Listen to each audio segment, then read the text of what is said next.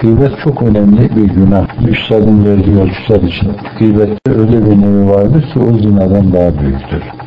Çünkü bazı gıybetler vardır ki bunlar çok önemli şahıslara, bunlar hakkında söylenen söz affedilmeyecek olan şahıslara gıybet olur. Şimdi öyle zatlar vardır ki diyelim Hazreti Ebu Bekir, Hazreti Ömer, Ayşe validemiz ve Hazreti Osman Efendimiz daha niceleri. Mesela bir Şahi Ceylan hakkında bir şey söylerse hususi böyle tasarrufu olan ve aynı zamanda bir yönüyle de naz insanlar olan insanlar bunlar gayretullah'a dokunacak şekilde elde olursa hemen cezasını görürler. Ahirette de affedilmezler. Bir meselenin böyle bir affedilmeyen yanı var. Bir diğer yanı da gıybet, ferdi gıybet değildir. Töhmet, ferdi töhmet değildir. İftira, buhtan, ferdi iftira, ferdi buhtan değildir. Bir cemaati iftira etmek vardır. Bir cemaatin buhtanı söz konusudur. Bir cemaatin gıybeti söz konusudur. Mesela kadiriler falan dediğin zaman koskocaman bir cemaati nazara aldın. Koskocaman bir cemaat hakkında dedikodu ettin. Mesela Şazeliler dedi. Mesela desen ki bazı Şazeliler onların içinde bazı müteşevihin desen söz götürür bu yani. Bu başka mesele de fakat Şazeliler dediğiniz zaman Hazan Şazeli Hazretlerinden günümüze kadar ne kadar Şazeli varsa binlerce belki milyonlarca insanlar o yolla imanlarını kurtarmışlar. O yolda kemalatı insaniye yükselmişler. Her bir insanı kamil olmuş. Ve keza dese ki insan bu talebeleri şöyle ve bir zamanın talebeleri de şöyle. İşin doğrusu işlerinde bir tane ciddi adam da çıkmadı falan dese böyle korkunç bir gıybet ki başta belli zaman olmak üzere. Çünkü o zat diyor ki inşallah bu talebeleri imanla kabre girecekler diyor. Bir imanın çok güçlü onların. Bütün letaifi insaniye zahire ve batınelerine nüfuz ettiğinden dolayı şeytanın eli ulaşamayacağı yerlere iman ulaşmış demektir. İkincisi her bir insan dua ederken onun namına dua ediyor. Dua külliyet kesbediyor. Böyle külliyet kesbetmiş duaları aleti ilahi açısından reddedilmesi söz konusu değil. Ve biz bunu realitelere de uygun görüyoruz yani. Müminler hakikaten tek çizgi üzerinde omuz omuza verseler toplanabilir rakamlar şeklinde ben affıcı vel valideyye vel müminine dediklerinde hepsinin defterini öyle ben affıcı vel valideyye vel müminin yazılır yani. Bu Allah da onları mağfiret buyurur. Şimdi haklarında böyle sürekli bereket duası yapılan ve defterlerine bereket akan insanlar hakkında suizan etme çok korkunç bir şeydir. Evet. Bunun açılımı şudur. Teker teker bu insan bir de o fertlerin hepsini bulamazsa, hakkını helal et diyemezse ve sözünü aynen orada şerh etmezse, ben sizin hakkınızda şöyle dedim, senin de bu işin içinde hakkın vardır, hakkını bana helal et demezse, hafizan Allah kurtulamaz o insan. Dua külliyet kesbedildiğinde kabul edildiği gibi gıybet de külliyet kesbedince külli bir gıybet olunca umum hakkını helal etmeyince o insan kurtulamaz, serilamaz bu işin içinde. Alırlar o onca insanın vebalini onun sırtına yüklerler. Hafizan Allah. Bu da küfre eş bir şeydir. Bir cemaat veyahut şerefi haysiyeti cemaatin şeref haysiyetiyle bütünleşmiş ayrı olmuş. Artık onun adını andığının da ne kadar şey varsa o çizgide düşünen insan varsa hepsi hatıra geliyor külliyet kesbetmiş şahıslar var. Onlar adeta o cemaati temsil ederler. Onlar hakkında bir şey söylendiğinde bütün cemaatin gıybeti yapılmış olur. Neuzubillah. O bakımdan bu zinadan daha eşittir. Bu kadar ağır bir şey.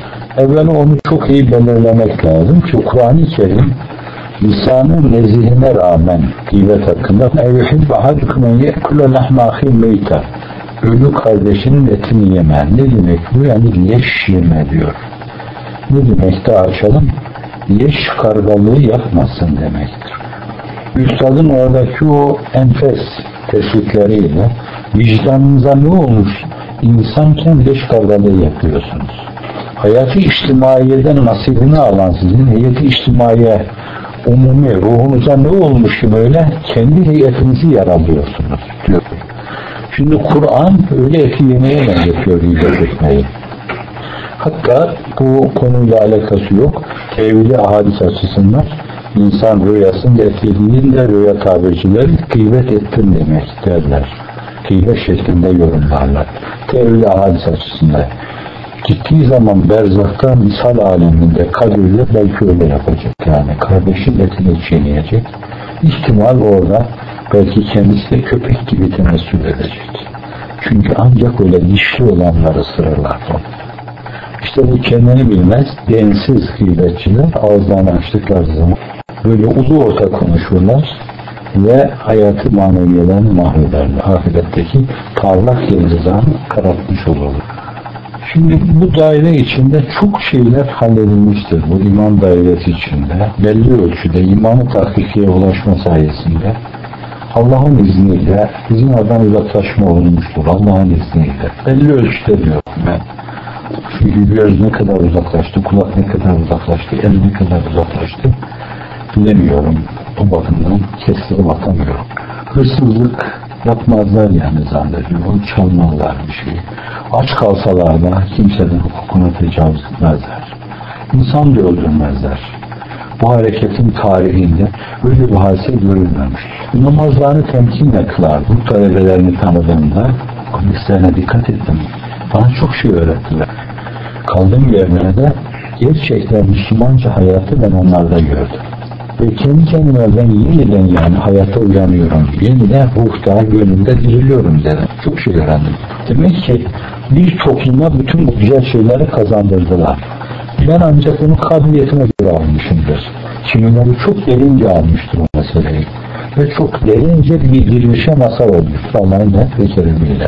Bütün bunlara rağmen esefle benim müşahede ettiğim bir şey var. Az önce açıldığında sanki halkmış gibi, hakkımızmış gibi bakıyorsunuz hemen beni çekiştirmeye dönüyoruz. Bırak onu adam.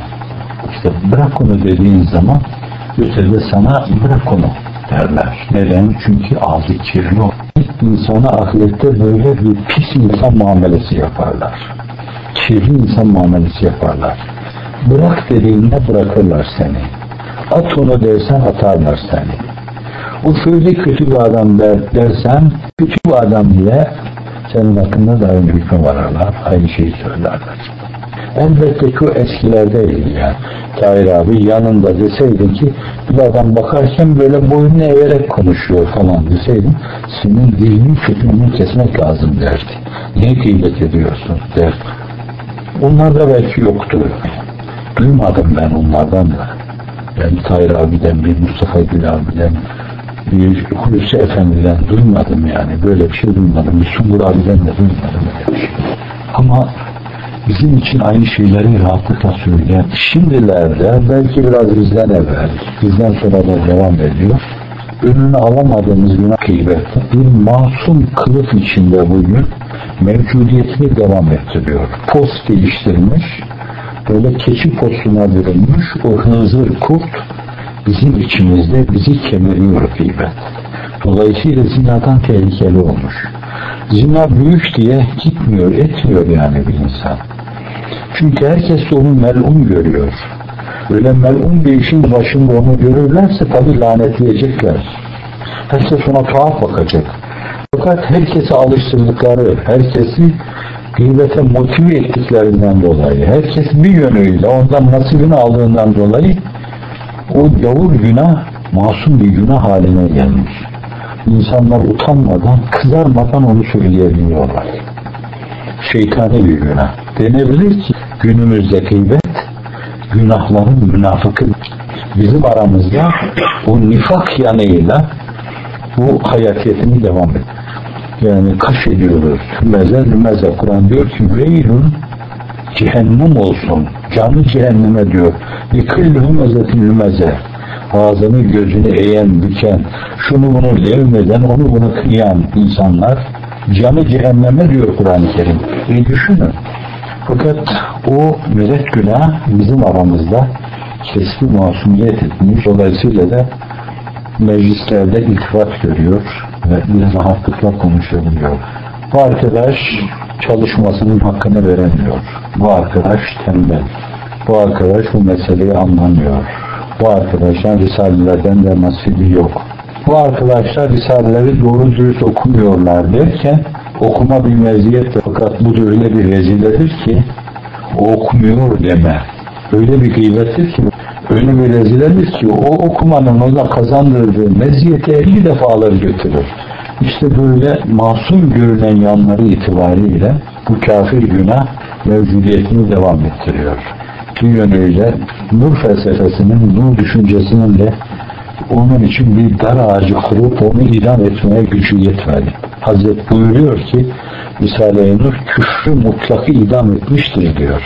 En mütemerrit insanlar bile tereddüte girmişlerdir. İki tarafa bakıyorlardır.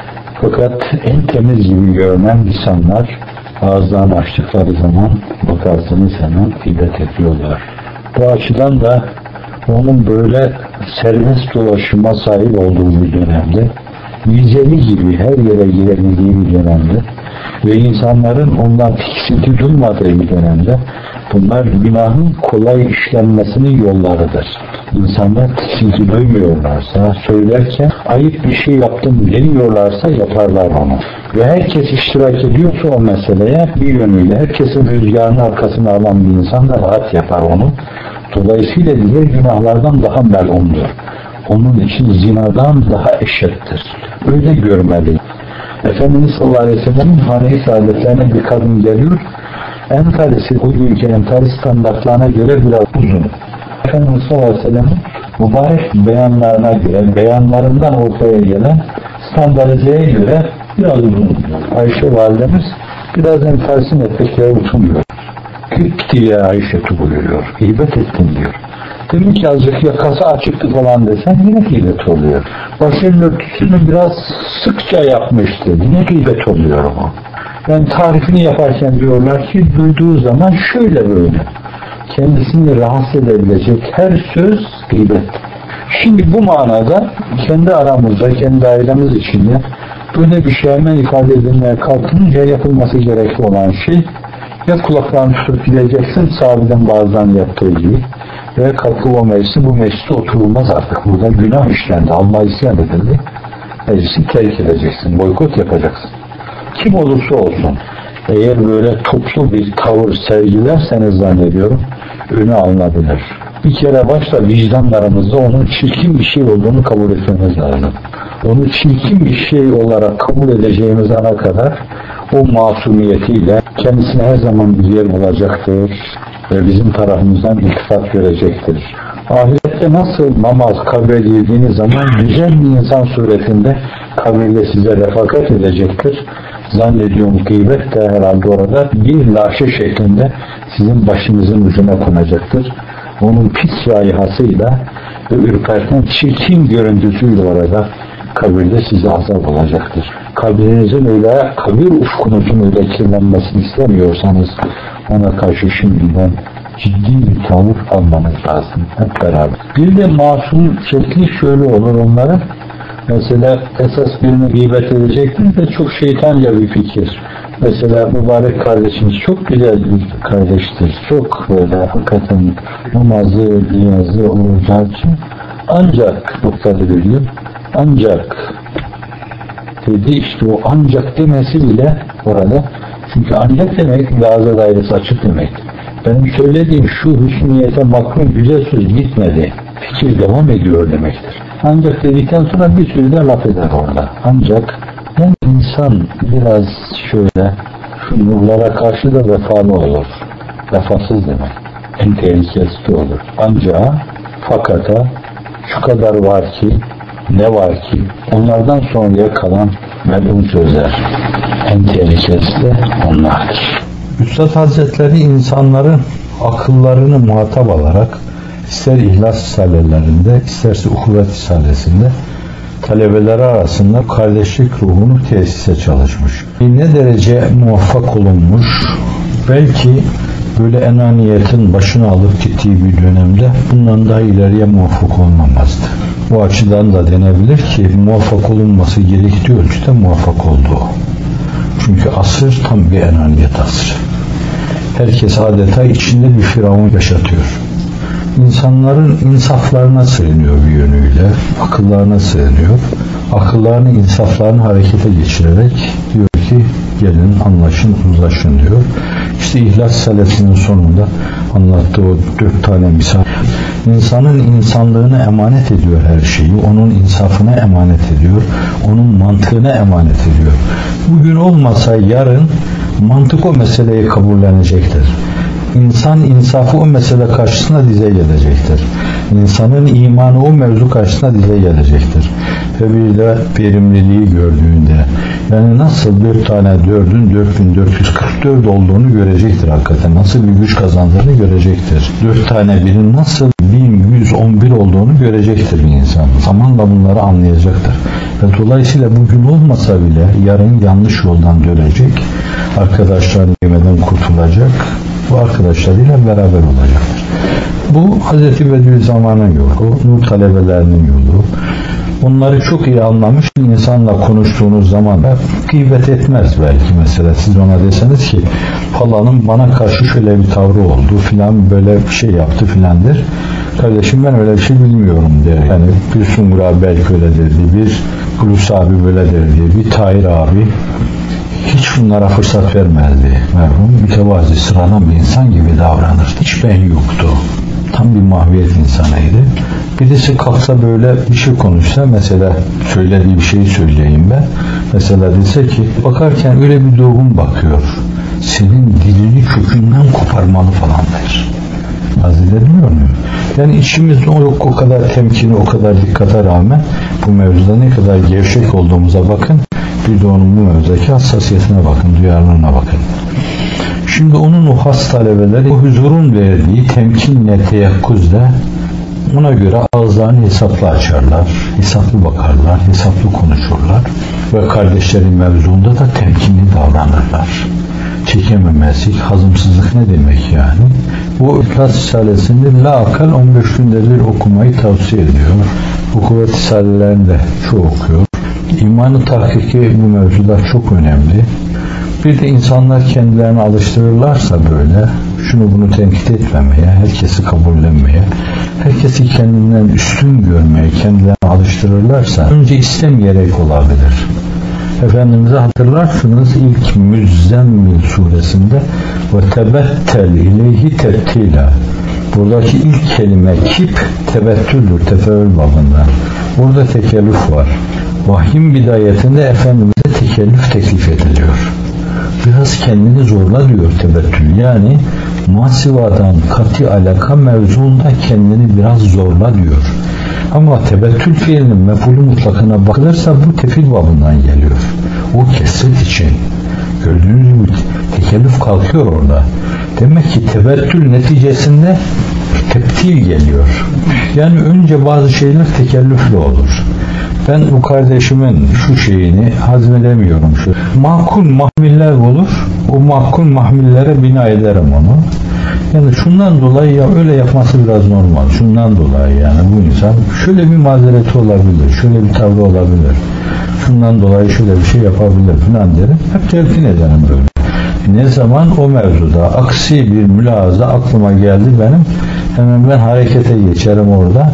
Benim aklıma gelen o mülahazaya ters bir kısım argümanlar bulur. Kendimi ikna etmeye çalışırım. Bir yaparım, iki yaparım, üç yaparım. Sonra aklıma sünuh edecek mi, tülü edecek mi şeyler neyse onlara karşı da şeytanın vesvesesi derim orada. Kendimi birinden faik gördüğüm zaman da yine aynı mülaza ile hemen onun faikiyetiyle alakalı bir şeyler bulurum. Evet Cenab-ı Hak bana bir şeyler yaptırtıyor ama fakat onun işin doğrusu şu yaptığı şeyler benimkinden çok daha büyük. Hatırlarsanız Üstad Hazretleri iki talebesinden bahsediyor. Diyor ki ona dedim ben falanın yazısı senden daha güzeldir. Baktım diyor memnun oldu. Kalbine baktım diyor memnuniyeti kalbindendi. En ummadığını keşfeder esrarı der onun. Sen herkesi kör alem sersem mi sanırsın? İş yaparken kalbinize bakıldığını hesaba katacaksın. İnsanın terbiyesi terbiye getirir. Saygısı saygı getirir. Kabulü kabul getirir. Alemi kabul edeceksin. Burada hiç kimse senden daha küçük değildir. Ben yine rahmetli Tahir abiyle alakalı bir şey söyleyeceğim. Nurlar okunuyor. Birisi Tahir abinin yanında Allah Allah yapıyor. Allah Allah. Sadece sen mi anlıyorsun bunu diyor. Sadece sen mi anlıyorsun bunu?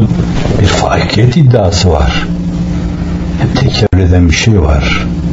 Gayri iradi, gayri tabii davranışlara düşüyorsanız affolabilir. Fakat gayri tabii bir tavra irade olarak yani istediğiniz zaman önüne alacak bir şekilde düşüyorsanız o riyadır. O şirktir. Orada Allah görüp bildiği halde bir küstahlıktır.